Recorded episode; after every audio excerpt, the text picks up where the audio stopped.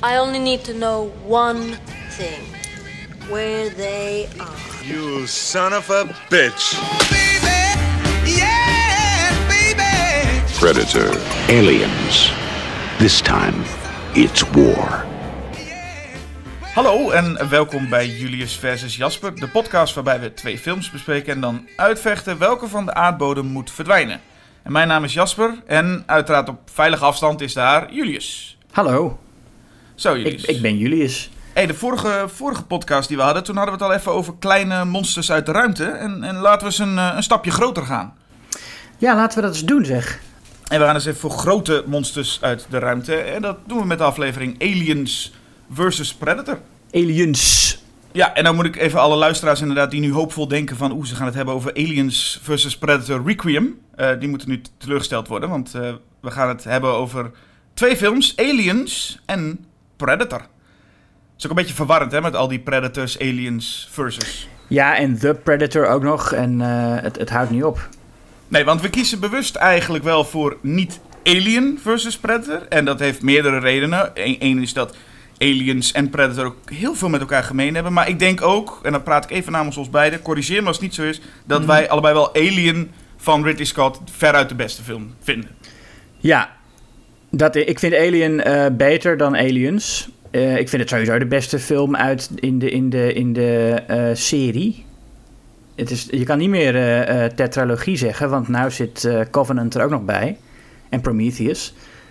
Eh, dus het is zes delen. Ik weet niet hoe dat dan heet. Maar als je Alien geval- versus Predator en Alien versus Pre- Aliens versus Predator Requiem niet meetelt ook nog. Oh ja, ook dat nog. Jeetje. Wat een gedoe. Ja. ja, want ik heb dus wel, ik heb hier die DVD-box liggen. Die heet dan officieel de Alien Quadrilogy. Wat een verkeerd woord is voor tetralogie. Maar die eh, kwam wel, verscheen, die box verscheen wel toen Alien vs Predator al bestond. Ja, vaak worden dat soort films niet meegerekend als men het gewoon niet wil. Nee. En dat Nou zal ja, deels ook met de kwaliteit van de films te maken hebben. Ehm, maar eh, wij kiezen dus vanwege de kwaliteit van Alien voor Aliens versus Predator. Eh, en eh, ja, wat ik al zei, die films hebben ook veel met elkaar gemeen. Zijn goed met elkaar te vergelijken, denk ik wel. Ja, allebei actiefilms met, met, met macho gedoe. Macho gedoe, grote geweren en bombardie. Ja. En eh, ik zal het opnemen voor Aliens van eh, James Cameron. Eh, ja, en ik dus voor Predator. Laten we dan ook maar gewoon induiken, zou ik zeggen, toch? Ja, ja. Het, is altijd, het is altijd een soort twijfel voordat we gaan beginnen. Van wanneer beginnen we nou? Het is, ja. Laten we beginnen, Jasper. Jij begint met Aliens. Precies, tot zover, de, tot zover de inleiding. Aliens, ehm, ja, wat valt erover te zeggen? Ten eerste dat hij door vele mensen wordt gezien. Nou, ik al bevestigd, dat vind ik in ieder geval ook niet. Dat het misschien wel een deel is dat beter is dan de eerste, gelijk staat aan de eerste. In ieder geval wordt vaak genoemd als een van die vervolgen die... Ja. eh, een van de beste vervolgen. Werd hij ook niet in Scream 2 toen aangehaald in de klas van Aliens? Beter dan Alien? Ja, en dan zeiden ze van, inderdaad, zeiden ze van, oh, maar het vervolg is nooit eh, beter dan het eerste deel. Daar ben ik het trouwens ook zeker bij horrorfilms niet mee eens. Ik kan heel veel verzinnen waarbij eh, het, het vervolg duidelijk beter is dan het eerste deel. Maar in, in dit geval vind, vind ik dat juist niet. Nee. En wat ik, eh, nou je zegt dat het eh, eh, horrorfilms. Wat ik, wat ik een van de grootste complimenten wel vind voor Aliens is dat Aliens is geen alien. Dat klinkt even heel gek, maar het, dat zou heel goed hebben gekund dat Alien, dat Aliens eigenlijk gewoon een Alien 2 werd. En met Ja. Alien 2 bedoel ik dan, hey, we hebben een succes, laten we er een 2 achter plakken, een kopie en we gaan door. Ehm, maar het getuigt al van het feit dat die film negen jaar later pas uitkwam. Ehm, en dus voor een volledig ander genre gaat. Ben ik in ieder geval heel blij. Hey, zo mogen vervolgfilms wel vaker gemaakt worden. Eh, echt ander genre kiezen. Ja, het pakt niet altijd eh, eh, goed uit. Ik bedoel, ik vind het feit dat Back to the Future 3 een western is, werkt niet heel goed in die film. Maar in dit geval werkt het wel goed. Ja, en ik denk dat het los van dat het goed werkt als Aliens, als film zijnde, werkt het ook gewoon goed. Omdat je, wie wilde nou nog naar een Alien 2 kijken? Dus letterlijk hetzelfde nog een keer. Nou, Alien 2, dat is eh, natuurlijk die Italiaanse rip-off, hè?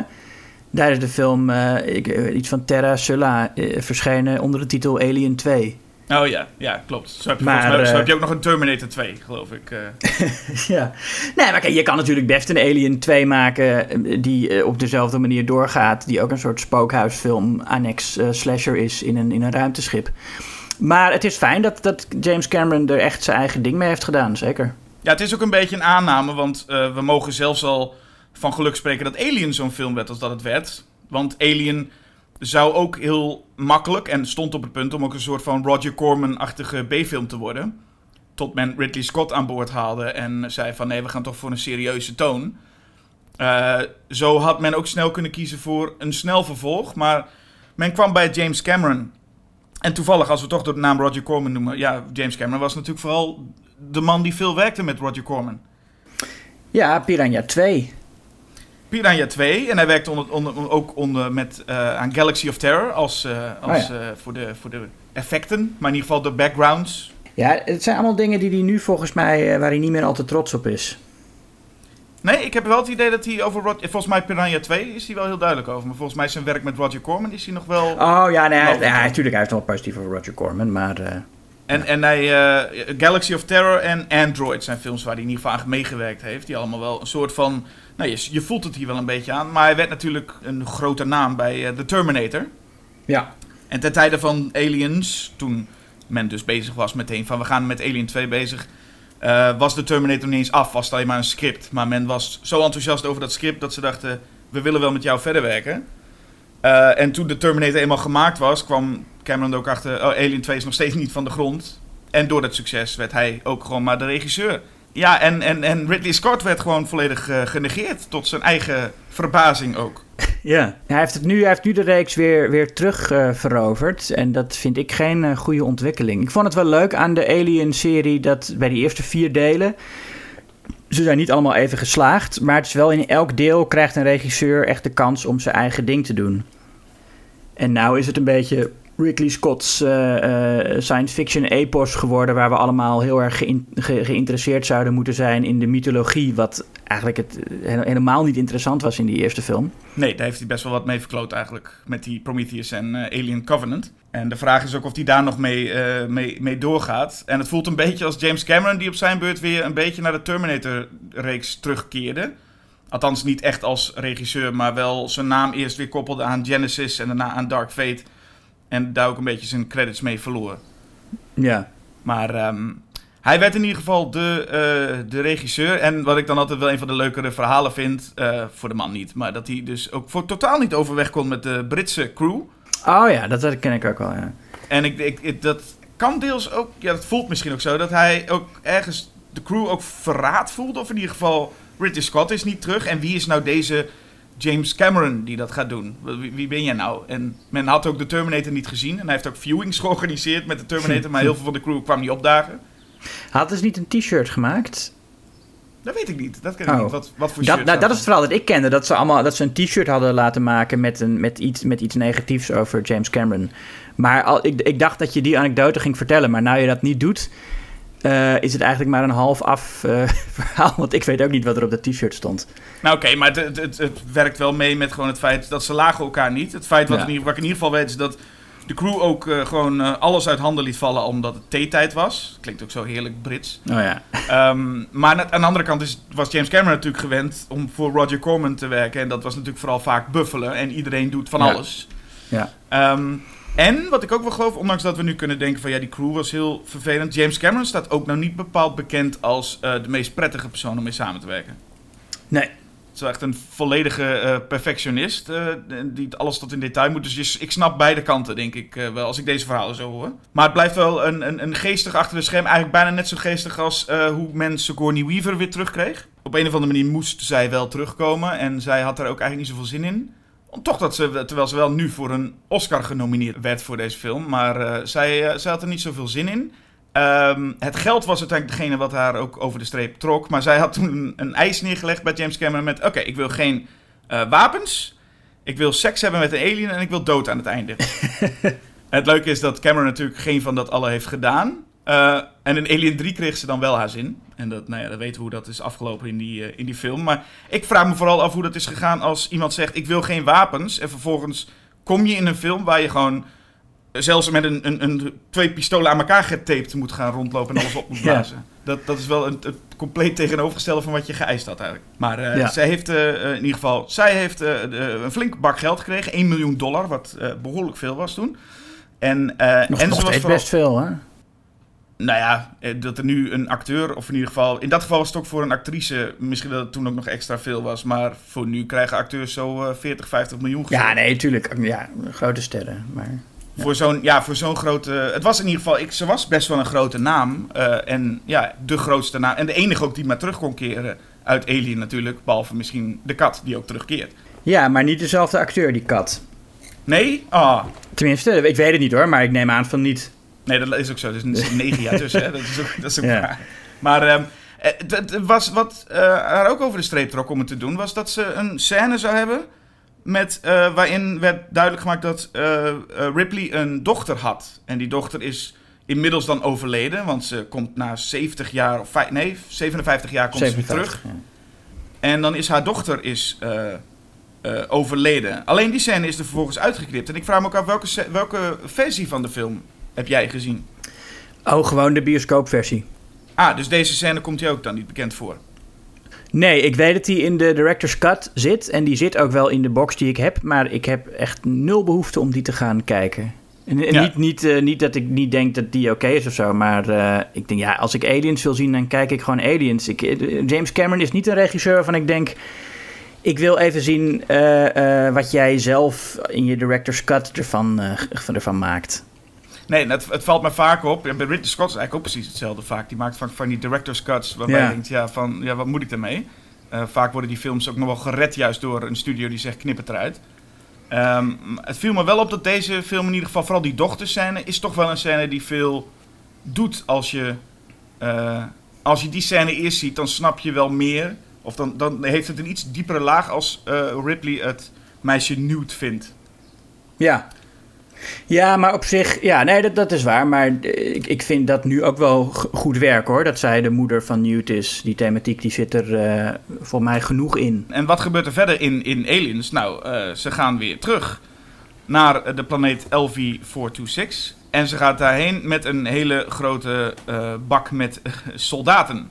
En dat is, nou ja, la- la- laten we het maar eens even over die soldaten hebben, toch? Ook. Ja, nou laten we daar eens beginnen inderdaad. Ja, wat mij wat meteen leuk is, ik bedoel, die soldaten, je hebt, je hebt Apone bijvoorbeeld, die wordt wakker uit zijn soort van pod. En echt het eerste wat hij dus met deze sigaar in zijn mond doen. Gewoon Ja. nog hetzelfde shot, was wel erg geestig. Je hebt eh, ja, toch een paar mensen waar we even langs moeten gaan. Bijvoorbeeld Jeanette Goldstein. Ja, Vasquez. Dat is toch wel een bijzonder verhaal, ook of niet? Oh, eh, bedoel je bijzonder verhaal? In de achtergrond? Of, eh? Nou, meer met het feit dat het toch een soort van blackface is wat we daar zien. Oh ja, Dat, ik, ik bedoel, ik, ik wist het niet. Ik had het, Nee, ik had het ook ik- nooit... Het, ik vind het ook best overtuigend gedaan. Maar als je goed nagaat dat een, gewoon een volledig blanke actrice eh, donker is geschminkt... en een Spaans, een Mexicaans accent heeft... Ja, ja ik, ik zou ook niet weten waarom ze dat eh, gedaan hebben. ja ze- volgens wat zover ik begreep waar, was zij in eh, Engeland ook aan het werk... maar hadden ze gewoon geen, daar geen, eh, geen Mexicaanse actrice. dat, dat, oké, het lijkt me, lijkt me sterk, maar eh, oké. Dat er geen Mexicaanse actrice was die ze, die, waar ze mee wilden Nou werken. ja, die zullen moeilijk te vinden geweest zijn. Ja, nou ja, en schijnbaar dat je dit doet. Ja, het klinkt gewoon als iets wat dat doe je tegenwoordig, eh, nou ja, echt niet meer. Ehm, Nee. Maar het is dan wel weer overtuigend gedaan. Dat ik me inderdaad afvraag, als je het niet weet, dan, dan weet je het niet. Nee, ik wist het ook niet. Verder, wat je waarschijnlijk wel wist, is dat Bill Paxton behoorlijk irritant is. Ja, eh, en ja, dat, dat is zeker zo. Eh, het, ik snap dat het bij zijn personage hoort. En dat je zo'n personage ook echt nodig hebt in een film waarin... Want het is, het is een, een, een horror-actiefilm waarin heel veel competente mensen rondlopen. En daar hou ik normaal gesproken wel van. Eh, en, je hebt dan eigenlijk je hebt gewoon één iemand nodig die een beetje het publiek vertegenwoordigt en zegt van jongens, we zijn, dit, dit, we zijn gewoon verloren en het is gewoon eh, klaar en, en we moeten in paniek zijn. Maar, eh, en ik vind dat Bill Paxton dat natuurlijk prima speelt, maar het is ook, hij, wordt hij wordt me iets te irritant door, ook door, de, de, de, door die one-liners die hij heeft. Hij zegt van die, van die, van die smart-ass dingen van... ehm, Maybe you're not keeping up with current events, but we just got our asses kicked. Ja. Dat, dat soort dingen, waarvan je dat zeg je in een sitcom. En dat is heel typisch eh, James Cameron, dat soort dialogen eh, en, en, eh, en, en, en werken met dat soort archetypes. Maar dat werkt voor mij niet helemaal goed. Nee, en het ergste is inderdaad in het geval van Bill Paxton ook. Hij krijgt veel screentijd en hij heeft alleen maar one-liners, geloof ik. Dus hij Ja. praat ook niet eh, normaal tussen de one-liners door. Het is het enige wat hij doet is een beetje ook raar kijken, raar schreeuwen ook heel veel.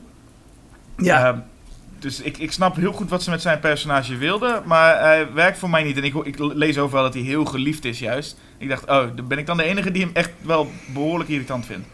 Behalve de personages zelf trouwens, want die vinden hem ook altijd irritant. Dus dat hij zijn mond moet Ja. houden. Ja, en dat is dan wel lekker natuurlijk. Dat is uiteindelijk wat je wil dat er gebeurt met zo'n personage. Bij het team heb je ook nog Bishop, dus het is eh, Lance Hendrickson. Ja, de nieuwe, eh, nieuwe Android.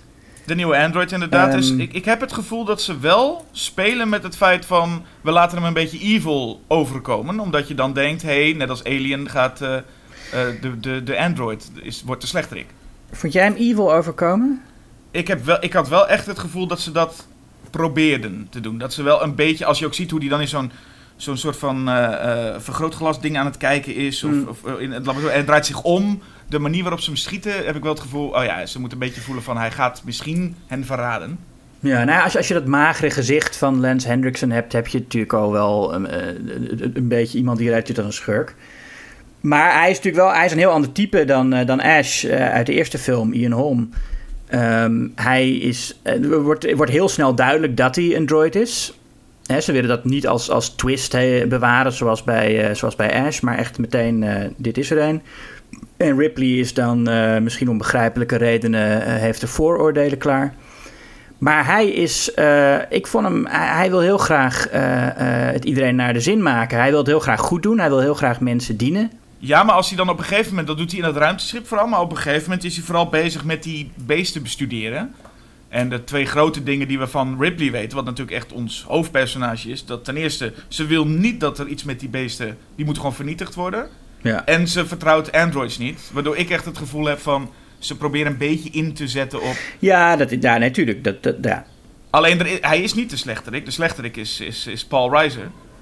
Eh, Ja. En die, die valt er ook duidelijk buiten met zijn, eh, met, met zijn bodywarmetje die meegaat tussen alle soldaten. en hij is de, de, ja, de, de, de, de, man die werkt voor eh, The Company. Ja. En dat, dat is wel een terugkerend ding. Volgens mij is dat bijna altijd de slechterik in eh, films van James Cameron. Het is altijd The Company, een, een bedrijf dat de boel verkloot. ja, die bureaucraten, hè, daar houden vaak mensen niet van. Nee, dat zie je in elke film. Volgens mij is er een eh, van James Cameron is wel een grote organisatie, groot bedrijf die dan ergens voor zorgt. En in dit geval krijgt het gezicht met het, eh, een, eh, een Paul Reiser. Ja, niet heel verrassend dus dat hij ook de schurk is. Hoewel die wel steeds iets kwaadaardiger wordt gaandeweg de film. Tot hij op een gegeven moment best wel een behoorlijk heftig plannetje schijnt te hebben. Ja. Ja, het is eigenlijk vanaf het begin al, hè, dat wantrouwen naar, naar, naar bureaucratie en, en naar de company. Dat zie je als, als Ripley aan die mensen moet vertellen wat ze meegemaakt heeft. Dan geloven ze haar ook niet. Dan zeggen ze, ja, we hebben, nou, we hebben 300 eh, werelden, kennen we. En wat jij beschrijft, hebben we nog nooit gezien. Een, een parasiet die in een, in een levend lichaam, eh, in, in een levende gastheer groeit. Nou, dat is wel heel raar. Ja, die dingen heb je gewoon op aarde. Weet je? Er zijn insecten die zo leven. En sterker nog, eh, er zijn, er zijn parasieten die dat in mensen doen, zoals lintwormen.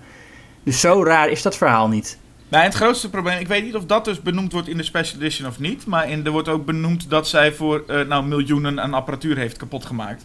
En dat dat vooral de reden Hmm. is dat ze, dat ze pissig zijn.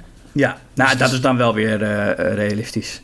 Nou ja, ja, realistisch, maar ook wel vrij uh, on the nose. Dat je denkt van, eh, wij, wij, ze, zei, ze zeggen nog net niet, en daar is het ons allemaal op te doen. Geld. ja.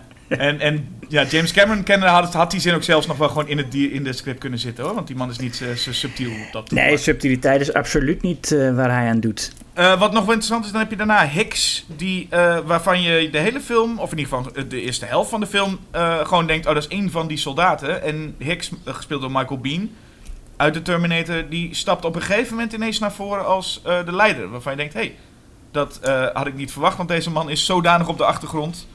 Ik had niet verwacht dat hij nog iets zou gaan doen. Ja. Hoewel één, één moment wat ik wel sterk vind, zit ook wel in Predator. Maar wat natuurlijk een goed moment is om, om te laten zien wie die personages zijn. Is als je zo'n. Zo op een gegeven moment hebben ze zo'n drop.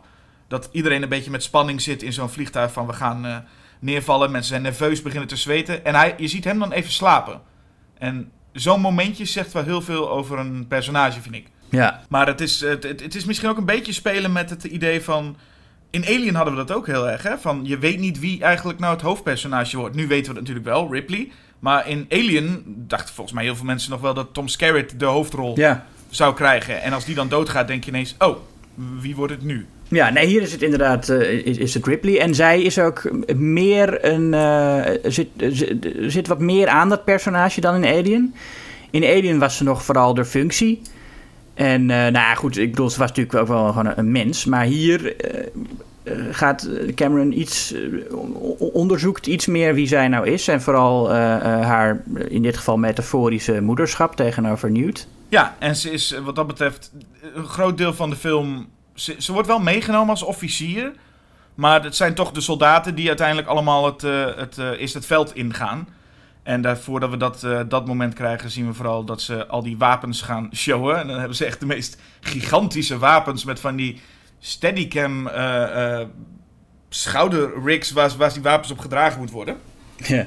Het, het geeft wel meteen aan wat voor types het zijn. En dat is natuurlijk sterk van zowel Predator als Aliens. Zet even wat enorme badasses neer. Als die dan worden afgemaakt, heb je meteen een duidelijk wie je, ja, je mee te dealen hebt qua schurk. Ja, precies. Nee, dat, dat is heel fijn aan, aan, ook aan horrorfilms en actiefilms waarin de helden competent zijn.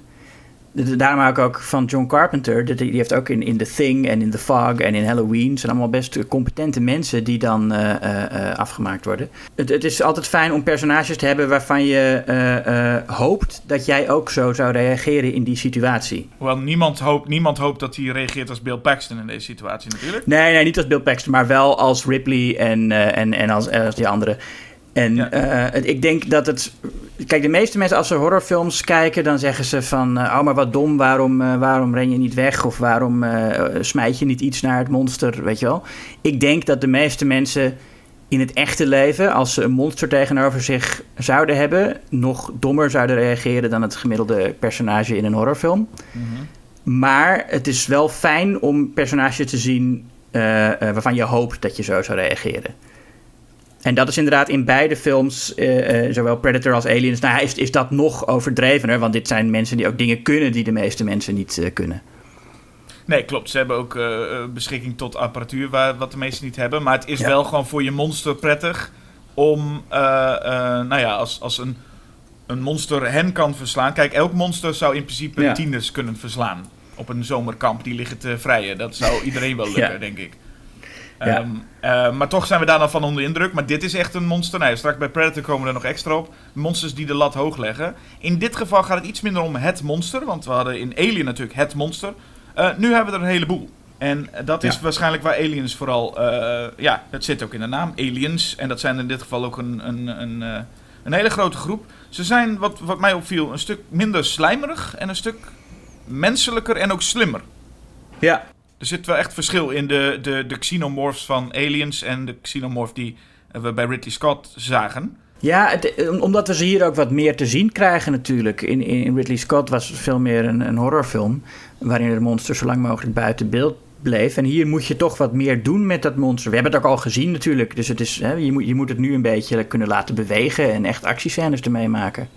Ja, en je ziet ook wel dat deze aliens op een of andere manier voelde het zo. Dat, kijk, in, in Alien hadden we natuurlijk te maken met een groepje hele normale mensen eigenlijk. Het waren gewoon maar, eh, wat waren het, space truckers. Ja, ja, dat, dat, zo noemde Walter Hill het inderdaad. Eh, eh, het was een vrachtschip. Ja, dus die, dat, en die, ja, logisch ergens ook wel dat ze het niet makkelijk, makkelijk hebben. Maar je merkt hier dat de aliens aan zich best wel oké snel te verslaan zijn. Alleen ze zijn er gewoon veel te veel. Want als ze ze neerschieten, je, schiet ze wel één of twee keer en hun hoofd ontploft of iets dergelijks. En in Alien had ik toch wel het gevoel dat de xenomorph meer ook echt wel gewoon niet te stoppen was. Ja, dat, is wel, dat maakt het wel indrukwekkender als er eentje is. Dat is het wel, hè. In die eerste was het er eentje. En dan denk je van, oh, nu worden het er een boel. Nou, eentje kan al een heel eh, schip uitroeien. Eh, wat als het er twintig zijn? En dan is het inderdaad, valt het wel op hoe snel je, eh, hoe snel je er vanaf bent. Ja, in deze is het in ieder geval zo dat, als, dat, het dat ze niet merken van... hé, hey, ik schiet ze, maar ze blijven maar komen. Of ik schiet ze en eh, dat, dat, ja, ze hebben natuurlijk zu- zuur als bloed. Eh, dus dat, dat kan ook voor heel veel problemen zorgen. Maar het valt in principe mee. Het gaat volgens mij echt om de aantallen waar ze mee zitten. En dus de, nou ja, de tikkende tijd. Daar speelt Cameron vooral mee. Ja, en, maar wel eh, elke actiescène is, is heel sterk. Zit heel goed in elkaar. Ehm, bij Cameron is dat sowieso... eh, eh, elke, elke beat doet ertoe in zo'n actiescène. Hij vertelt eigenlijk met, met alles een eh, heel scherp en heel helder een, een, een klein verhaaltje. Waar alleen maar dingen gebeuren die er echt toe doen. En Weet je, eh, hij, hij is niet zoals, bijvoorbeeld Michael Bay... die gewoon alles op je afgooit en, eh, en, en er gebeurt superveel en niks maakt echt indruk. Hij is van, oké, eh Vasquez wordt aangevallen door een alien. Gelukkig heeft ze een, een, een geweer, dus ze schiet zijn kop eraf. Dan krijgt ze dat bloed op de been en dan kan ze niet meer weg. Weet je, dat, dat is een verhaaltje met een opbouw en een, en een clue. En elke handeling heeft een gevolg. Eh, het, het- is heel fijn, dat soort actiescènes. En hij is helemaal niet zwierig. Hij, hij doet niet aan, aan, aan enorme long takes in actiescènes of, of bijzondere shots of zo. Hij filmt het gewoon heel basic, eenvoudig. eh, echt een, een ouderwetse vakman. Ja, en het is goed te volgen. Hè? Dat is ook een heel fijn iets. Ja. Er, eh, wat ik vooral ook merk, hij, eh, in Alien was het ook al een sterk moment. Het ging eh, om Tom Skerritt en zijn, zijn dood. Is dat er wordt er gebruik gemaakt van schermpjes. En dat is wat James Cameron hier ook heel veel doet. En het werkt best wel vaak best goed. Je ziet de aliens niet, maar je, hoort, je ziet schermpjes. Je ziet eigenlijk, maar wat zie je eigenlijk? Rode bolletjes komen op, op, op je af op een schermpje. Ja. En, en op een of andere manier werkt dat dus heel sterk. Door eigenlijk maar gewoon een schermpje te zien met een rood lampje dat eh fel knippert en een piepje dat steeds harder wordt. En je zit toch wel op het puntje van je stoel, ook al heb je nog geen xenomorph gezien. Ehm, ik vind dat Aliens niet bijster eng, of eigenlijk helemaal niet eng is per se, maar het is wel spannend. Ja, er zitten wel echte horrormomenten in. Eh, Mensen zeggen wel eens dat het helemaal geen horrorfilm is. Dat, daar ben ik het niet mee eens. Er zitten echt, als je, als je die kleine beestjes ziet, eh, ziet rondlopen, zeg maar, de, hoe noem je dat? De, de, de- Facehuggers? de- ja, de, oh ja, de facehuggers. En, en aan het begin dat- ze die vrouw vinden die nog leeft, die gepakt is door zo'n beest en die een parasiet in zich heeft, dat zijn toch wel echt horrormomenten. Ja, het is wat dat betreft wel volgens mij echt een actie science fiction, maar wel werd inderdaad met horror elementen erin. Ja, en, maar, ook, maar vooral actie. Want sci-fi, ik bedoel, ja, er zit wel een, eh, er zit natuurlijk een robot in en, en aliens. Maar eh, het is verder niet heel futuristisch buiten, buiten die robot. Het, is, alle techniek die ze gebruiken is allemaal eh, niet dingen waarvan je zegt dat, dat, dat eh, ligt heel ver in de toekomst. Nou, niet, niet, misschien niet heel ver in de toekomst, maar voor die tijd, zeker met al die schermpjes en al die eh, apparaatjes, heb ik wel het gevoel dat, het, dat er veel techniek is wat er toen niet was, wat er nu waarschijnlijk ook nog steeds niet is. Ja, nee, dat is wel zo. Maar het gaat. Ja, oké. maar Maar actie staat bovenaan, dat kunnen we Ja. in ieder geval wel duidelijk eh, stellen als alles naar de, naar, de, naar de tering geschoten wordt. Ja, e- een van de mooiste shots vind ik ook, is bijna ook wel een horror shot. Het, het, een van de mooiste shots in de hele film is Newt in het water, waar de alien achter haar uit dat water komt. ja. Ehm, en, en er zijn van die momenten dat ik inderdaad ook denk van deze film ziet er eigenlijk ook verrassend goed uit. En dan zoek je op wat de film eh, qua budget heeft en dan is het 18 miljoen. En dat zijn nu eigenlijk, eigenlijk bestaan die films bijna niet meer, de Nee. 18 miljoen films. En, en James Cameron zelf maakt tegenwoordig films die volgens mij per scène nog meer dan 18 miljoen kosten. En dat vind ik Ja. heel bijzonder. Maar ik vind, en het, waarschijnlijk komt het ook deels door zijn tijd bij Roger Corman. Maar James Cameron weet hoe je een kleine, hoe je een low budget echt, echt heel groots moet laten overkomen. Ja, nee, ja, goed, low budget. eh, eh, dit- ja, nee, dit was in die tijd ook wel best wel eh, voor een film van. eh, voor voor zo'n film niet eh, heel duur of zo. Ehm, en dat, dat kan hij inderdaad heel goed. Ja, want als je 18 miljoen hebt, je moet nagaan dat dus Sigourney Weaver al 1 miljoen kreeg. Dus dan hou je nog maar, nog maar 17 miljoen over. Ja, Maar eh, dat, dat, daar is hij in ieder geval goed in. En inderdaad, wat je zegt, die spanning opbouwen is hij goed in. Maar ook de, de look. En dan is er een, eh, heeft hij aan het einde nog een mooi slotstuk. Dat is de, met de Alien Queen. En eh, dat is het moment waar ook eigenlijk ja, eh, hij, hij ook gekozen heeft om H.R. Geiger, die de, of Giger, ik weet eigenlijk niet hoe je zijn naam uitspreekt. Hij is Duits, dus het zal denk ik Giger zijn. Maar goed, in Amerika zeggen ze allemaal Geiger. Ja, nee, dat, eh, die, die is niet eh, teruggevraagd ook. En James Cameron deed dat eigenlijk omdat hij zichzelf wilde bewijzen en bang was dat zo'n eigenzinnige man als eh, wat, wat hij dacht dat Giger zou zijn, en wilde hij niet op de set hebben. Maar later heeft hij wel zijn excuses aangeboden dat hij dacht, ja, eigenlijk had ik dat wel moeten doen. Ik was een beetje arrogant. Misschien is het in het Duits trouwens wel Geiger, zit ik nou te denken. Nou ja, Maakt niet uit. Mag je zelf invullen. Ik snap best dat je verwacht dat de Engelsen het niet goed hebben wat betreft uitspraken. Maar, eh, maar goed, die Alien Queen heeft eh, James Cameron dus zelf ook eh, mede ontworpen. En ja, ondanks dat, dat Giga nou teruggekomen, niet teruggekeerd is, het, het ziet er wel heel tof uit. De, de Alien Queen is wel fijne nou ja, eindschurk. Ja, zeker. Ik moet alleen zeggen dat de mannen. De, de, er is een scène waarin die, die, de Sigourney Weaver. Een hele spannende scène overigens. Sigourney Weaver staat tussen die eieren. Met die eh, eh, queen die, eh, nou ja, die haar ziet. Maar dan zijn Ja. er ook van die xenomorphs die dan op een of andere manier weg moeten blijven. Dat vind ik wel heel overduidelijk mannen in pakken. En dat had Alien echt niet. Alien had natuurlijk Nee. een, een, een, Nou ja, dat was zo gefilmd dat je echt niet zag dat het een man in pak was. Dat had ik hier af en toe wel. Ja, nou, ja, dat is, ook, dat is dan wel weer het verschil tussen de, de benadering horror en actie, denk ik. Ja, maar het is vooral dat ik denk dat als je dan de Alien Queen ziet, toen dacht ik wel, oké, dit ziet er wel heel tof uit. En het bekendste Mhm. scène is waarschijnlijk wel dat eh, Ripley op de vuist gaat met, het, eh, eh, met de Alien Queen. In Ja, zo'n, ja, wat is het voor pak? Zo'n heftruckpak. Ja. Wat Ja. mij toen daarbij heel erg opviel, is dat er geen muziek onder zat. Wat ik toch een beetje voelde als niet helemaal indrukwekkend, omdat ik muziek miste of zo. Oh, ik miste het helemaal niet. Nee, nou ja, ik, ik weet ook niet eens of ik de aanpak heel slecht vind. Maar ik merkte wel dat daar juist zeg maar, de muziek heel erg bombastisch zou moeten zijn. En daar is geen muziek. Je hoort alleen maar dus eh, wat eh woesjes van de alien en wat eh, robotische geluiden. Ja, ik, vond het, ik vind het heel goed werken, die scène. Maar Nee, het- ja, James Cameron doet nooit meer dan nodig is. Ik bedoel, hij, is, hij, is- hij staat wel bekend om zijn, om zijn over-de-top situaties. En dat is ook wel terecht. Maar tegelijk legt hij het er nooit te dik bovenop in die actiescènes. Ik denk wel dat hij, meer, dat hij soms meer doet dan nodig is. Zeker omdat zijn films altijd zo ongelooflijk lang zijn. De studio hier zei Ja, nee, van- qua, qua- lengte en qua... En, natuurlijk, en, en, en, en hoe, hoe vaak je moet bevestigen dat een personage zus en zo is. Dan, dat allemaal wel. Maar, ik, maar puur in de actiescènes, stilistisch... is zijn stijl eh, groot, maar niet te groot. Nee, had je ook niet wel het idee dat toen de alien uit dat gat in de ruimte ingeblazen werd, dat je dacht, nou Sigourney, eh, je moet wel heel sterk zijn, wil je niet ook de ruimte in geslingerd worden? Ja, dat had ik wel, ja. dat geloofde ik niet helemaal. Eh, ik, nee, wat ik denk bedoelde trouwens, toen ik net zei groot, maar niet te groot. ehm, het is niet zo groot dat het niet meer indrukwekkend wordt. Dat is eigenlijk wat ik bedoel. Ja. Je, je hebt de, je hebt bijvoorbeeld Michael Bay, vind ik, zo over de top dat het, dat het, dat het gewoon alle, alle impact verliest. Hij gaat voor maximale impact. Dat is wat eh, Cameron doet. Ja. En wat ik ook ergens fijn vind, maar een klein dingetje, maar als we helemaal bij het einde zijn, er is, er is niet zo'n eindstinger of even van hoe het wordt, eh, eh, hè, we hebben een, eh, er komt misschien een vervolg. Hij eindigt gewoon eigenlijk een soort, soort van positief. Ja, happy end. Wat dan in, in deel 3 helemaal eh, de lucht uit wordt geschoten door David Fincher. Maar eh, hier is dat nog eh, gewoon het einde. Ja, hoewel happy end vind ik ook wat, wat ver Nou, niet misschien. happy, niet, niet, niet, nou ja, gewoon een, een, een vredig einde. Een vredig einde, ja. Waar eh, eh, eh, lang geluiden gingen dat Neil Blomkamp daar een vervolg op zou maken. Een alien die dus alle voor, andere vervolgen zou negeren. En dan weer doorgaat met Newt, Ripley en, en Hm. Hicks. Ja. Maar dat, dat idee is waarschijnlijk gewoon überhaupt van tafel. Zal waarschijnlijk nooit meer zien. Omdat Ridley Scott nog steeds bezig is, hè.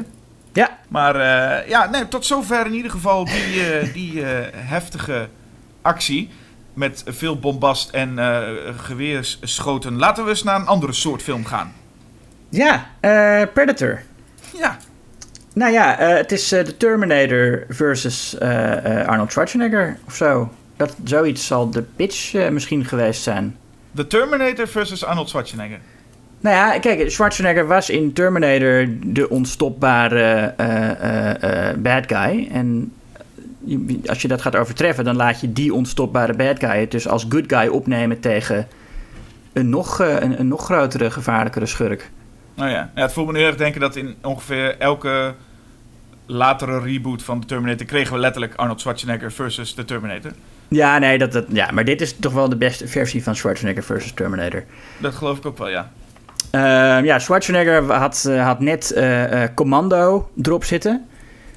Of niet, nee, het was in 1985 trouwens, Commando. E- een van zijn beste films, vind ik. En een film die met net genoeg eh tong-in-cheek eh, eh, eigenlijk al begint de draak te steken met eh, Schwarzeneggers machismo. Dus het, het was al zo, Schwarzenegger stond al echt bekend als die gast die eigenlijk iets te over de top eh, eh, gaat. En dat was zijn reputatie toen hij in deze film verscheen tegenover allemaal gasten met eh, ook een beetje die reputatie. Ja, want we zitten hier bij een Schwarzenegger die volgens mij echt op weg is om naar de superster Schwarzenegger te worden, toch? Want het is, hij had wel Conan en de Terminator en Commando gedaan. Maar deze film, ongeveer in deze periode, ging hij echt naar eh, Arnold Schwarzenegger, de superster. Ja, en nou, hij, hij staat tegenover een hoop andere eh, eh, qua vergelijkbare actiehelden. Niet, niet qua status, maar wel qua. hoe noem je dat? Nou, ik, ik, ik merkte dat deze hele film een heel hoog wie heeft de grootste gehalte Ja, nee, ja, precies. Dat zie je in het begin ook al. Als hij, nou, als, als, ik vind het een iconisch shot, inmiddels eh, een, een meme geworden, eh, eh, dat hij de hand van Carl Weathers schudt. Ja. En, de, en dat is een, en dan krijg je zo'n close-up van die twee ontzettend gespierde, bezweten, glimmende armen. Het wordt echt een beetje fetishistisch. Zoals hij, zoals hij in Commando ook al gefilmd werd trouwens. Ehm, en dan heb je ja, eh, eh, Jesse Ventura, eh, Bill Duke, ja, noem ze maar op. En inderdaad, meteen zitten ze elkaar af te toeven. Ze, als ze op een gegeven moment hebben, ze moeten, ze, het zijn dus legermensen die een missie moeten doen in de jungle. En dan zitten ze in een helikopter. En dan zit, zit Jesse Ventura, dat zit allemaal tabak te kauwen. Mhm. En dat spuugt hij dan uit op iemand, op, op, op een schoen. Van, van wie is die schoen? Is het niet van Carl Weathers? Ja, voor mij is het Carl Weathers inderdaad. En, en dan, ja, dat is Carl Weathers. En, maar, die, maar Carl Weathers gaat, die, die wenkt hem dan zo naar zich toe. En die zegt dan, that's a real nasty habit you got there. En het is echt wel inderdaad wat je zegt, wie heeft de grootste? Eh, Het, het is alleen maar eh, eh, eh, machismo tegen elkaar. Zowel op een eh, vriendschappelijke als op een, eh, op een eh, vijandelijke manier dus. Ja, wat erg is, is Carl Weathers hier de, de, de Paul Reiser van de vorige film. De, de, beetje Ja. de, de man met de stropdas die meegaat. Alleen dan wel de man met de stropdas die wiens spierballen zich kunnen meten met die van, van de rest. Ja, precies. Ja, omdat hij ook natuurlijk voormalig soldaat was. Maar goed, dan, gaan, dan zitten ze daar in die jungle en dan zijn ze daar op een missie, een reddingsmissie, denken ze. Carl Weathers weet dat het eh, anders zit, maar zij denken dat het een, eh, reddersmissie, eh, een reddingsmissie is. En ze knallen een, heel, eh, een hele nederzetting aan gort. Ja, en dan, dan doen ze wat ze het beste kunnen. Dat is eigenlijk volgens mij, die scène is ook echt bedoeld om te laten zien... Kijk, je hebt met deze lui te maken. Ja. En, en als dan dus inderdaad de, de Predator verschijnt... weet je dus, oh shit, we hebben al gezien wat deze lui kunnen. Nu zien we nog eens een vijand die dan nog, nog sterker is. Ja, eerst is het gewoon de overtreffende trap van een jaren 80 macho actiefilm. En, en, en, alles ontploft nog een keer en er wordt nog meer geschoten. En dan komt inderdaad die Predator. En dan heb je dat prachtige moment dat ze allemaal hun geweren leegschieten op niks. Hè, dan is de, heeft de Predator net eh, zijn eerste slachtoffer gemaakt. Of niet zijn eerste, maar dan hebben ze net in de gaten dat er iets is wat achter ze aan zit en wat een slachtoffer aan het maken is.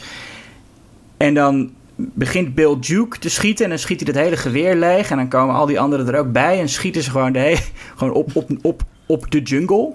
Ja. En eh, John McTiernan heeft ook gezegd dat hij met die scène eh, eh, een beetje belachelijk wilde maken dat geweren op zich, dat mensen dat zouden willen zien, dat een geweer leeggeschoten wordt. Dus daarom wilde hij een scène maken waarin mensen dus letterlijk schieten op niks. Terwijl er, weet je wel, zonder enig effect, gewoon pure impotente eh, geweren. En dat werkt in die film ook heel goed, omdat inderdaad eh, aangetoond wordt dat die actiehelden eh, impotent zijn tegenover, het, het, tegenover de Predator.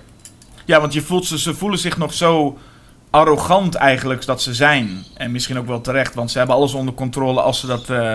nou ja, die, die, wat eigenlijk een film op zich kon zijn, zo'n hele gijzeling.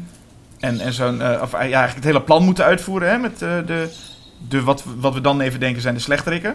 Dan Ja. zijn ze heel arrogant en komen ook gewoon de letterlijke de, de Arnold puns komen erbij. Met hij gooit Ja. een, eh, een, een, een mes en zegt eh stick around. Ja, En, en, en zegt knock knock als hij een deur intrapt. ja. Ehm, dus zo arrogant zijn ze. En dan zie je aan zo'n scène dat ze de hele, woesta- eh, de hele jungle naar de tering schieten. Dat ze even geen controle meer hebben. Maar Arnold Schwarzenegger blijft wel altijd controle houden, toch? Op een of andere manier. Hij verliest nooit helemaal zijn... Want hij moet eigenlijk toch gezien worden als de beste, ook van hen. ja, hij is ook de final girl. Hij is de, hij is de final girl, De. Predator wordt gewoon van een, wordt van een jaren 80 actiefilm een jaren 80 slasher. En, en Arnold is eh, een, van de, een van de betere Final Girls, vind ik. Ja. We hebben, we hebben in, de, in het clubje inderdaad allemaal nog eh, dus die hele gespierde macho's. Maar waar je het niet over hebt, zijn ook twee... Eentje is Shane Black, die de hele tijd moppen vertelt. ja. En, en Shane Black is ook die... De, is, nou, ze heeft, heeft later ook zelf eh, eh, de, onlangs nog eigenlijk eh, The Predator geregisseerd. ja. Ehm, en er is nog een andere, en dat is Poncho. En ik haalde dus ook een beetje door het gefilmd is de hele tijd Poncho en Shane Black door elkaar. Ik had het gevoel, ze hebben, ze hebben twee personages die wat mij betreft te veel op elkaar lijken. Hm. Daar mocht voor mij eentje weg. Ik kon, ik kon ze niet goed uit elkaar houden. Dat ik denk, waar, waar is die een nou voor en waar is de ander nou voor? Shane Black Ja. heeft wel duidelijk een doel, dus gewoon, ik, ik vertel rare pussy moppen. Ja, op, en, ook, en ook aan mensen waarvan je gewoon ook weet... eh, hij vertelt ze vaak aan Billy. Sonny Landham is eh, Billy. En dat is, dat is eh, zeg maar... Ja, dat is ook, misschien ook wel iets wat tegenwoordig verkeerd zou vallen. Een indiaan die dus alle... eh, die, die goed is in spoorzoeken. en Ja. overleven in de jungle. In dit geval is het wel een echte eh, eh, eh, een autochtone Amerikaan. Eh, eh, Billy Landham. Of eh, Sonny Landham, het personage heet Billy. Ja. Uh, maar hij is helemaal niet ontvankelijk voor al die moppen die Shane Black hem vertelt. En Shane Black blijft het maar doen. Het, ik vind het wel een aardige running gag. Uh, ook, ook omdat hij niet zo heel vaak gemaakt wordt. Nou, en er kwam voor, er kwam voor mij toen echt een, een mind is blown momentje. Omdat ik deze film dus kende en weet... aan het einde van de film gaat de Predator lachen. Ja. En ik had dus altijd zoiets van, oké, het is wel een opvallende lach voor zo'n uh, voor zo'n voor zo'n wezen. En nu kwam ik dus pas tot de ontdekking, holy shit, het is de lach van Billy die hij nu nadoet. Dat is omdat we heel erg duidelijk zien, er is dus één moment in de film dat uh, Shane Black een mop vertelt waar Billy wel om moet lachen. En dan Ja. uh, hoor je de Predator dat op een of andere die lach ook horen en die lach gebruikt hij toen. En toen dacht ik, oh, het komt toch wel een soort van samen. Het is wel een enorme lange payoff met pussy jokes om naar een lach te gaan. Maar ik dacht wel even van, oh, dat had ik helemaal nog niet gezien toen ik die film eerder keek. Van dat de lach ook gekopieerd is. Maar is dat, denk je dat die Predator dat uh, expres doet? Dat hij zeg maar dingen, dat hij dingen van mensen wil imiteren? Dat hij dat ook als een soort trofee ziet of zo? Dat lijkt hij wel te doen. Of, of het een trofee is, weet ik niet. Maar je ziet wel dat hij duidelijk dingen aan het herhalen is. En dat hij dingen Ja. aan het. Uh, dat hij dus ook woorden aan het leren is op een of andere manier. En ik vraag me ook af of hij weet, want aan het einde dat hij lacht, vraag ik me ook af of hij weet dat dat een lach was. Of dat hij, eh, weet ik veel wat voor geluid hij, hij dacht te maken. Ik weet niet of Hmm. hij de context ervan begreep. Maar ik herkende hem nu wel. Dat ik denk, hé, hey, ik herken die lach die Ja. Billy daar doet. Nou, ik, ik denk dat hij wel echt wist dat het een, een lach was. Ja, het is een Ja. soort lach, maar hij heeft niet heel veel reden om te lachen aan het einde, geloof ik. Maar, eh, nou, jawel, want hij, nee, goed, hij, hij snapt dat hij doodgaat, maar dan moet hij lachen omdat hij denkt dat hij eh, Arnold ook meeneemt. Ja, want dat is het grootste, het, het grootste ding. Hè. De film gaat op een gegeven moment... eh, nou ja, inderdaad wat je zegt, een, een slasher. Dus één voor één gaan de, de, de soldaten eraan. Ja. Eh, behalve, eh, want je zei wel dat Arnold de final girl was. Maar er is wel een dame, ik, ik weet niet helemaal Ja, waarom ja, ja, er ja, is. die, die is er ook bij, ja. Die is er, maar dat is het ook volgens mij. Dat is haar rol toch ook? Die, eh, ik ben, Ja, die is ook al lang, die heeft ook niks meer helemaal te maken met die finale. Dan zit ze al lang in een helikopter. Puur om, en dat wisten ze toen nog niet... maar dat het een van de bekendste quotes van Arnold Schwarzenegger zou worden ongeveer. Ja. Dat, hij Ja, naar de, dat ze naar de helikopter moest. Wat ik trouwens wel goed vind aan de Predator. De Predator is een perfecte striptease danser. Want de striptease die hij doet is perfect. Je ziet steeds iets meer Ja. Gaandeweg door de film. En dat vind ik wel heel goed getimed. Het is niet, we laten meteen het zien. Hij, gaat, hij is onzichtbaar in principe. Uh, maar we krijgen steeds ietsjes meer van hem te zien tot aan de einde van de film toe. En dat heeft uh, John McTiernan goed getimed met iedere keer iets meer van hem uh, laten zien. Ja, en het, en het blijft ook telkens weer eh, indrukwekkend. Ook als het masker afgaat, dan zit er ook weer een verrassing onder waarvan je... Nou ja, goed, het niet, niet heel verrassend dat hij een monster is of zo. Maar het is wel ook een ontwerp waarvan je eh, niet teleurgesteld bent. Nee, want je weet eerst eigenlijk ook... Of ik, ik in ieder geval niet wist niet aan het begin dat dat een masker was. Pas als hij dat dan afzet, denk je, oh, dat is een masker. Het kon ook gewoon zijn gezicht zijn natuurlijk.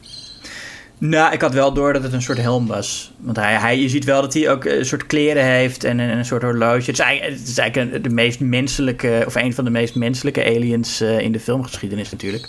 Mm -hmm. Ik denk dat Predator ook nog veel meer dan Alien en Terminator um, eh, science fiction gebruikt als, eh, als excuus voor gewoon een, een, een horrorfilm. Bedoel, Terminator is, is tot op zekere hoogte een science fiction film. Ik vind Terminator is in de eerste plaats een actie-horrorfilm. Maar goed, je hebt wel die robot en je hebt tijdreizen. En voor Alien geldt hetzelfde. Er zit ook een android in en ze zijn op weg en het is in de toekomst. Maar Predator, dat is echt gewoon eh, een, een, een horrorfilm en niet echt een science fiction. Nee, en het is ook wel echt. En ik, bedoel, ondanks- ik vind het design ook heel tof. Maar als je inderdaad een. Iemand zou vragen teken een monster, dan kom je ook wel heel erg in de buurt van wat Predator ook ergens is. Met, met Ja. die tentakels, En- en- lange vingers. En het monster heeft ook een, een geschiedenis. Hè? Want het is, het is, het, de, de, de, de mensen die daar wonen kennen hem. Die vrouw gaat op een gegeven moment vertellen van... eh, oh, maar de oude vrouwen in mijn dorp... die hadden het al over een demon die eh, trofeeën van mensen maakt. Dus hij zou ook net zo goed een demon kunnen zijn. Ja, maar het is, wat ik begrijp is het. eh, en ik weet niet of dat nou ook voornamelijk uit vervolgfilms komt. Maar het feit dat de Predator gewoon naar de aarde gaat om te jagen. Zoals wij eh, Ja, ook doen. En dan gaat hij gewoon. Gaat hij eens in de zoveel tijd. Gaat, gaat een van hen er naartoe. Even jagen en, eh, en, en, weer, en weer terug.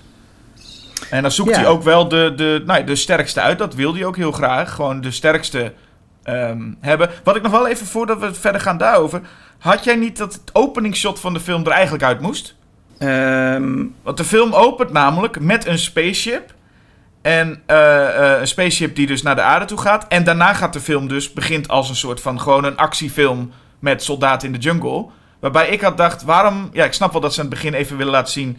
Hij komt uit de, of er komt iets uit de ruimte. Maar ik had het volgens mij veel sterker gevonden als ze dat eh, niet hadden laten zien. Dat je gaandeweg de film denkt... Wat, wat, wat voor film krijg ik nu en waar komt dit allemaal vandaan?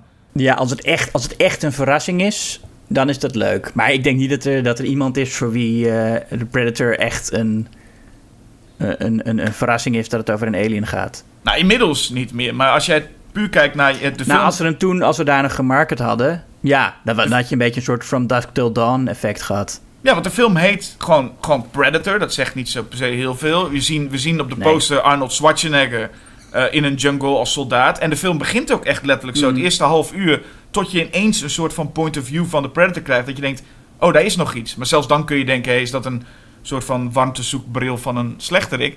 Ja. Ik denk dat het een verrassing groter was geweest als je niet dat eerste shot had. Ik gok, maar ik weet niet zeker. Het is gewoon een aanname dat dat door een soort van testpubliek of misschien erin moest. Zo van, ja, we moeten wel een beetje duidelijk maken waar die vandaan komt. Want ik vond het Hmm. bijna zonde dat ze meteen beginnen met... Oh ja, de, de- hier is een UFO. een UFO. Nee, nou, ik vind het wel. Het is, een- het is een manier om eh, alvast spanning te creëren, om alva- alvast verwachtingen te creëren. Het, het, het, het zet nog iets. eh, het, het zet iets. eh, hoe noem je dat? Het zet iets op het vuur voor later. Ja, hoewel dat ik je me dan daar weer afvraag... bezig bent. Van, Ik, eh, ik, ik vraag me af of mensen het zich dan nog kunnen herinneren. Dat is ook wel weer zo, omdat het zo'n klein shot is. Dat heel veel mensen Hmm. ook wel weer denken van... Oh ja, ik ben eigenlijk gaandeweg de film... Als ik Arnold Schwarzenegger en zo in de, in de jungle zie vechten... ben ik al kwijt dat de film ook alweer begon met een ruimteschip. ja. Maar goed, het is in Nou ieder geval wel leuk aan het, de Predator, aan het monster... dat hij zijn eigen lat zo ongelooflijk hoog legt. Dat vond ik, wel, dat vond ik dus ook wel fijn hieraan. Ja, ja. Ehm, hij heeft ook, eh, ironisch genoeg, de, de beste speurder van hetzelfde als Billy. Heeft hij als eerste gespot. Die heeft hij, en, en, dan, en nou goed, dan begint hij inderdaad mensen dood te maken. En dan zegt Arnold Schwarzenegger ook op een gegeven moment... eh, it, it didn't kill you because you weren't armed. No sport. Dus hij, Arnold Schwarzenegger heeft heel snel in de gaten dat het eh, wezen eh, jaagt voor de sport. Dus Ja, maar hoe- niet, hoe niet weet echt een Hoe weet hij dat? is. Ja, nee, dat wou ik net zeggen. De, de, eh, geen idee hoe hij dat weet. Ik vind het wel fijn dat hij het snel doorheeft. Want, ja, nogmaals, ik hou ervan als personages gewoon snel weten hoe de vork in de steel zit. Dat je niet, zeg maar, moet wachten tot zij erachter komen wat je als publiek al lang weet. Dat wordt vaak heel snel vervelend. Maar hoe hij het weet, eh, geen idee. Misschien eh, kan hij zich heel goed inleven. ja, want, eh, want op een gegeven moment is er ook een moment dat Schwarzenegger dan zegt... He came to get the body. He's killing us one at a time. En dan zegt Billy, like a hunter. En dan zegt Schwarzenegger meteen weer, he's using the trees. Dan zijn ze een soort van aan het uitleggen. Ja. Schijnbaar voor de kijker ook, maar... het lijkt alsof zij het ook... Wij als kijker weten dat, maar het lijkt alsof zij het ook meteen doorhebben. Oh, het is zo'n wezen. Ja. Hij is als een, als een predator. Ja, hij is inderdaad zo. En hij, Nee, maar hij is helemaal niet als een predator. Dus hij is, hij is als, een, als een plezierjager. Hij is geen, eh, geen hij, eet, hij eet ze niet op. nee, Nee, hij, is, hij velt ze. Ja, het zijn trofeeën. Dus hij Ja. is niet echt een, een predator in, de, eh, in die zin van het woord. Nee, maar je verwachtte in die lijn nog eigenlijk bijna een soort dialoog waarin eh Schwarzenegger zou zeggen van... Oh, he's using trophies because he wants to... Weet je wel, dat ze nog meer gaan uitleggen over hem. En dat je echt denkt, waarom weet jij dit? Ehm, Ja, en eigenlijk, het is ook een beetje... Het is eigenlijk ook wel raar, want zo sportief is de Predator helemaal niet. Uh, ik bedoel, als jij eh, compleet onzichtbaar bent en dan iemands kop eraf knalt... Dat vind ik niet heel sportief. Ook niet als diegene gewapend is. Nee, dat is waar. Het wordt pas sportief als hij inderdaad zegt van... Nou, nu gaan we eh, mano a mano vechten. Ja, maar, aan het einde als hij als, als, als, als zijn kleren uitdoet, inderdaad... eh, Ja, want wa, wa- had, het, had, het, had Schwarzenegger gewoon zijn geweer weg moeten gooien? Of was door die enorme spierballen was hij altijd, had hij altijd guns? Want waarom probeer je dat niet gewoon? Ja, had gekund. Hij zegt tegen- is, is, is, niet, is niet zo sportief, hè? Nee, maar hij zegt tegen die dame, je moet je geweer weglaten. Maar loopt dan vervolgens wel door met een, een, een geweer. En ik denk, ja, ehm, probeer het dan ook zelf. Je theorie is uit. Ga het niet op haar testen. Ja, maar hij gaat toch niet zijn geweer weggooien? Waar moet, wat, hij, hij moet dat sowieso bij zich hebben. Ja, maar hij zegt tegen die vrouw, leave your weapon, no sport. Ja, om, ja, natuurlijk, maar omdat zij ook geen soldaat is. Oh, dus, dus die Predator weet ook van, oh, zij zijn soldaten en zij Nee, dat weet de Predator niet, maar hij weet dat... Kijk, hij weet gewoon, ik ben een soldaat. Ik ben degene die dat beest kan neerschieten. En het is veiliger als ik, als ik dat doe. En als zij gewoon zichzelf veilig houdt door geen wapen te hebben. Oké. Ja, ik had het ergens wel geestig gevonden als, als, als Schwarzenegger had gezegd, leave your weapon, no sport. Dat die Predator haar neerschiet en dat hij daar denkt, ah, daar gaat mijn theorie. Nou ja. Dat hij het even aan het testen was. Maar goed, het, de film... Ja, ik vind het prima. Al die soldaten worden één voor één. Ik begon, de film begon me een beetje te vervelen op een bepaald moment. Maar toen was het wel fijn dat er op een gegeven moment... eh, Dutch versus Predator komt. Eigenlijk Ja. het wat jij al zei, wat de pitch zou zijn. Terminator versus Predator. Of eh, het ah, Schwarzenegger versus Terminator. Ja, en da, da, dat, dan wordt de film wel weer erg leuk. Ook omdat Schwarzenegger per ongeluk onder de modder komt. En dan bedenkt dat hij... Dat vond ik ook een heel geestig scène. Hij zwemt en dan legt hij zijn hoofd midden in een, in een plas modder. en dat komt, Ja. daar komt dan toevallig goed uit. Dat vond ik wel, wel, eh, wel geestig. Dan kan de Predator hem niet zien. Ja, omdat hij eh, alleen maar warmte ziet. Wat eh, niet echt ergens op slaat. Maar wel voor de film eh, is dat wel... geloof voor de film koop ik dat wel. Ja, dan, dan, dan is er nog meer actie eigenlijk. Dat is een beetje wat de climax ook is, toch? Dan wordt er nog meer ge- geknokt. Ja, dan wordt Arnold gaat echt, hij staat daar te schreeuwen op die berg. Heel mooi shot is dat. Dat hij echt als een soort Tarzan in die jungle staat. En dan inderdaad de finale. Want denkt, denkt de, wat denk jij? Denkt de Predator dat Dutch dood is als hij in dat water valt? Of dat hij hem niet meer kan zien? Want de Predator gaat, zoekt eh, Schwarzenegger, die kan hem niet vinden. En gaat dan gewoon wel lekker in een boom zitten. Gaat hij volgens mij eh, wat programmeren. Ik weet niet wat hij aan het doen is. Maar hij is niet heftig op zoek. Toch? Ik weet niet wat hij dan... eh, of, of, maar hij is niet aan het zoeken. Pas als Schwarzenegger zegt, aan het schreeuwen is, dan denkt hij... Oh, hij is er nog. Of dacht Predator van... Nou, ik, ik, ik ben er wel klaar mee. Nou, hij zit een beetje te wachten daar. denk Ik, ja, je, je, kan elke, je kan wel elke kant op rennen in de jungle op zoek naar iemand. Maar ja, ik weet niet wat hij aan het doen is. Wat zou de Predator überhaupt doen in zijn vrije tijd? Want als dit, dit is gewoon... We zien hem nu zijn hobby uitoefenen. Zou hij ook gewoon thuis eh, een, een baan hebben of zo? Zou wel echt heel leuk zijn. Een, een film waarin hij gewoon inderdaad naar kantoor gaat... en op een gegeven moment zegt... Nou, eh, schat, ik ga dit weekend een weekendje jagen. Ja. En dan, eh, en dan een, de eerste... Komt hij terug met wel huiden? En dat zijn vrouw ook zegt van... Nee, niet, weer, niet, niet, niet u in de woonkamer deze. Deze gaat maar op je eigen kamer. Ja, maar het is, het is Arnold Schwarzenegger. Nee, dat maakt niet uit. Ja, nou goed, hij gaat lachend ten onder en dat is, eh, dat is het einde. En dat is het einde, ja. ja. Weet, je hoe ik, eh, weet je hoe ik in ieder geval eh, Predator omschrijf? Nou, Ik, eh, ik zag, oké, zo zag ik Predator. Ik zag, eh, de film begint met een helikopter met huurlingen die binnenkomen. Eh, met wat ruige lui, wat grappen maken zit erin. Een leider met eh, veel praatjes en een sigaar in zijn mond. Vervolgens krijg je zo'n explosiescène met allemaal eh, schieten en vechten. En slechterikken die worden echt over de kamer geslingerd. Over de camera heen geslingerd als ze vallen. En vervolgens gaan ze, als ze de sle- slechterik moeten staan, gaan ze dingen knutselen. En dan krijg je volgens die aftiteling met beelden van... eh, als aan het einde van de, van de film krijg je dat ze allemaal lachen en dat er zo hun naam erbij Ja. komt. ja. En toen dacht ik, wel alles opgezomd, dacht ik, dit is de, de meest krankzinnige aflevering van die A-team die ik eh, ken. Ja. Want dat voelt het wel echt. Ehm, het, is, het is voor mij, is, het, het- vooral dat einde moest ik wel heel erg om lachen trouwens. Dat het wel echt een, een de A-team sitcom bijna achtige, dat ze allemaal lachen. Behalve Schwarzenegger trouwens, die lacht dan niet in de camera. Maar de rest is allemaal Weet je wel, dan pakken ze een geweer en dan kijken ze in de camera met een lach en daar komt hun naam erbij. Ja. Ja, en, en, En- en, ja, je zegt typisch jaren tachtig. En daarna ging John McTiernan natuurlijk, eh, nadat hij een beetje afgerekend had met het eh, jaren tachtig actiegenre in Predator, eh, vond hij de jaren negentig actiefilm uit met Die Hard. Dus hij had, zeg maar, hij had, Ja. hij had laten zien van al die, al die gespierde macho's, de Schwarzenegger-types, die hebben we nu gehad. Nu gaan we, en, we hebben nu laten zien hoe een aantal eh, eh, gespierde macho's niet op kunnen tegen de Predator. Nu gaan we laten zien hoe een onwaarschijnlijke held, een, een, een- een, politieagent met, met humor, het eh, op gaat nemen tegen een hoop slechterikken in een, in een flatgebouw. Het is een beetje de, de omgekeerde Predator eigenlijk, Die Hard. Maar ik- nu je dat ook zo zegt, het is wel wat met John McTiernan als je zijn, zijn, zijn filmografie ook ziet. Ik bedoel, je hebt Die Hard, A Predator, Die Hard, Hunt for Red October. En dan, nou ja, in jaren 90 nog, wat ik zelf een leuke film vind, Last Action Hero Ja. met Schwarzenegger. En, eh, en Die Hard 3, die ook wel leuk is. En daarna, in 2002 kreeg je, kreeg je zijn remake van Rollerball. Ja, En toen, daarna bleef het gewoon stil. Toen dacht ik, oh, dat is... eh, ja want om die film is Heftig. hij naar de gevangenis gegaan. Is het zo? Ja, hij had, hij had eh, de eh, producent Charles Roven had hij afgeluisterd. Omdat hij, had het, hij was het oneens met hem over die film. Had hij afgeluisterd en had hij later ook ontkend te- dat hij tegen de FBI dit had gedaan. Dus toen heeft hij, is hij, heeft hij in, in de Nor gezeten. Oh ja, want hij heeft daarna nog wel Basic gemaakt met John Travolta. Maar ik, dan, dan waarschijnlijk liep dat een beetje tegelijkertijd. Ja. Maar eh, ar- eh, arme, ja, arme John McTiernan dat we daar niet zoveel meer van kregen. Ja, nou ja, hij heeft wel, hij heeft wel gewoon echt. Hij is echt een, een regisseur die ook heel erg nadenkt over actiefilms. Zoals je ziet in Predator en Die Hard. En natuurlijk ook Last Action Hero, wat ook echt een ontleding is. Eh, hij is iemand die zowel echt nadenkt over de, de plaats van actiefilms in populaire cultuur. als dat hij gewoon heel vermakelijke, vlotte actiefilms maakt. Het is ook ergens jammer dat James Cameron natuurlijk ook zijn carrière ook bijna voorbij is. Nou ja, Eh, bijna voorbij. Hij wil nog vier, vier avatars maken. Ja, dat bedoel ik ook een beetje. Ik denk dat creat- creatief is, is het, eh, ja, nee, is het nee dat voorbij. is. eh, nou ja, je, je weet het nooit natuurlijk. Misschien is Avatar 2 wel een meesterwerk. Ik denk sowieso dat die film. eh, dat het. Dat het eh, ehm, al die mensen die zeggen dat die nieuwe avatars gaan floppen.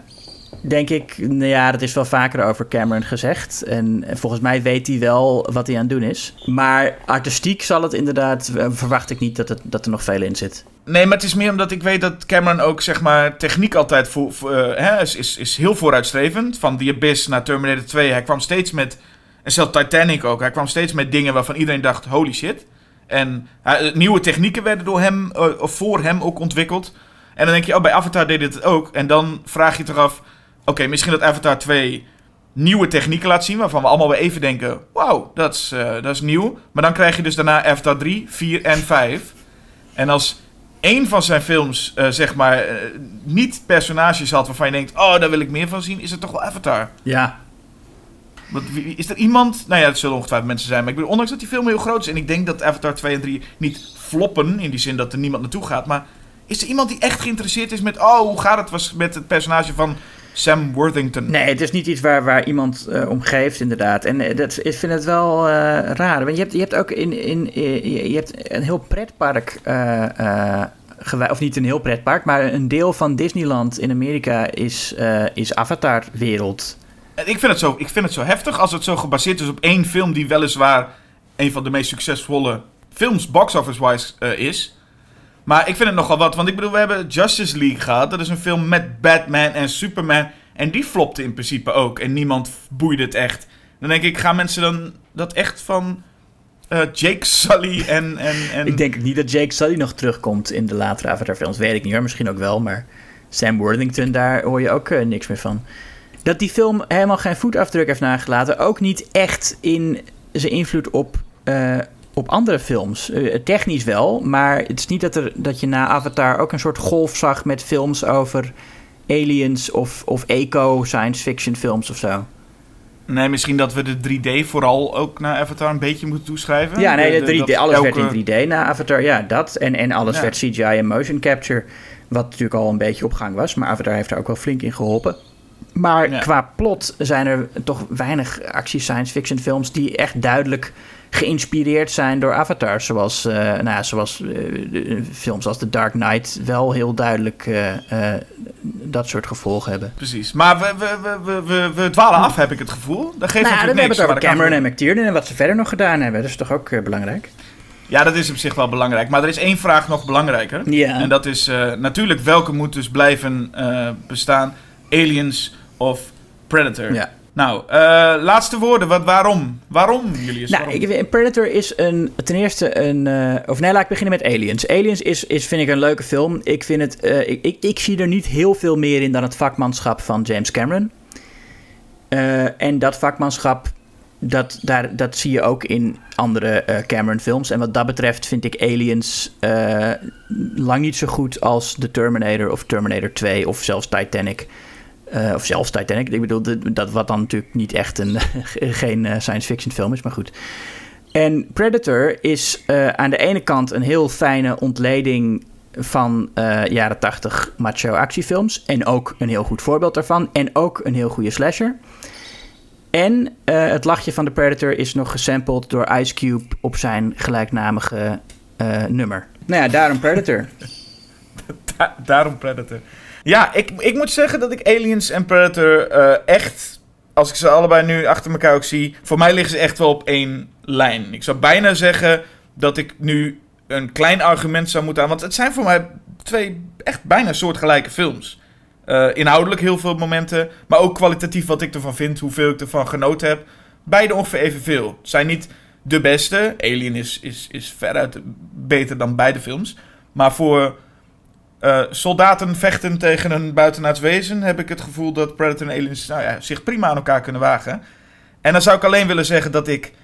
Ja, klinkt, het zijn kleine dingen, maar ik vind Aliens net iets spannender. Eh, ik vind Aliens net iets eh, indrukwekkender op sommige vlakken van wat betreft sets en shots die, die Cameron maakt. Maar ik durf hierbij te zeggen, ondanks dat ik het echt voor Aliens op moet nemen, het, het zit dicht bij elkaar. Maar minimaal, met minimale keuze zou ik gaan voor Aliens. Terwijl ik denk zelf, ik zeg nu, klein beetje eh, voordeel gaat naar Aliens. Ik gok dat toch Aliens wel bij de, kijk, bij de luisteraar en bij, bij het grote publiek... eh, nou ja, de, de grote winnaar is. Dat Predator een beetje de Hmm. underdog is. Ja, ik, ik vrees het ergens ook wel. Nou ja, dat is niet, niet, veel, niet, niet per se veel te vrezen, denk ik. Ik bedoel, Nou, nee, nee. Maar, eh, het, is- het is niet echt natuurlijk. Het is niet echt. Ehm, waarbij ik nu echt wel kan voorstellen dat Aliens wint. Ehm, maar Predator laten we die vooral ook niet vergeten. Nee, er zit ook meer humor in. Predator. Dat is ook in Aliens. En ja, dat is zo, zo humorloos, vind ik hem eigenlijk. Ja, wat, hoewel ik denk dat Predator nog leuker was geweest als eh, we nog steeds Jean-Claude Van Damme in een roze pak hadden gehad. Ja, Want dat was oorspronkelijk het idee, hè? Van, eh, ja nou, dat zou niet net zo goed werken. Maar goed, dat kregen we helaas niet. Eh, ik zou zeggen, laat de luisteraar maar gewoon beslissen. eh, Wordt het Aliens? Of zijn er toch genoeg mensen die zeggen, nee, doe maar Predator. Ja, beslis, luisteraar. En laat het ons weten. En kies anders, als je het niet zeker weet of echt niet kan kiezen, kies dan gewoon voor Aliens versus Predator Requiem. Dan heb je het beste van beide werelden in één. Nee, maar dat is, dat is film. Alien versus Predator. Dat is niet Aliens versus Predator. Het vervolg, jawel. Requiem heeft eh, als eh, titel, Requiem heeft eh, Aliens versus Predator. Ah, dat, dat wist ik niet eens. Nee, nou ja, die film mag Ik je... heb die film ook niet gezien, maar... Oké, oké, nou ja, goed. Dan in dat geval... eh ja, Alien versus Predator, Alien versus Predator van Paul W.S. Anderson is geen goede film. niet gezien. Eh, het, is, het is geen goede film, maar een, een, eh, een meesterwerk vergeleken met eh, Aliens versus Predator Requiem. Dus bespaar jezelf de moeite. Huh. Maar eh, weet je, er zijn altijd, er altijd mensen tussen die zeggen: nee, joh, dat is de beste film. Fuck James Cameron en John McTiernan. Ja, Dan zou ik zeggen: dit waren onze. Nou, volgend, volgend, eh, volgende podcast, maar even geen aliens meer denken. hè? nee. Laten we de aliens voorlopig even eh eh buiten spel zetten. Ja, precies. We gaan even wat anders doen. Ik zou zeggen: eh, bedankt voor het luisteren en eh, tot de volgende keer. Tot volgende keer.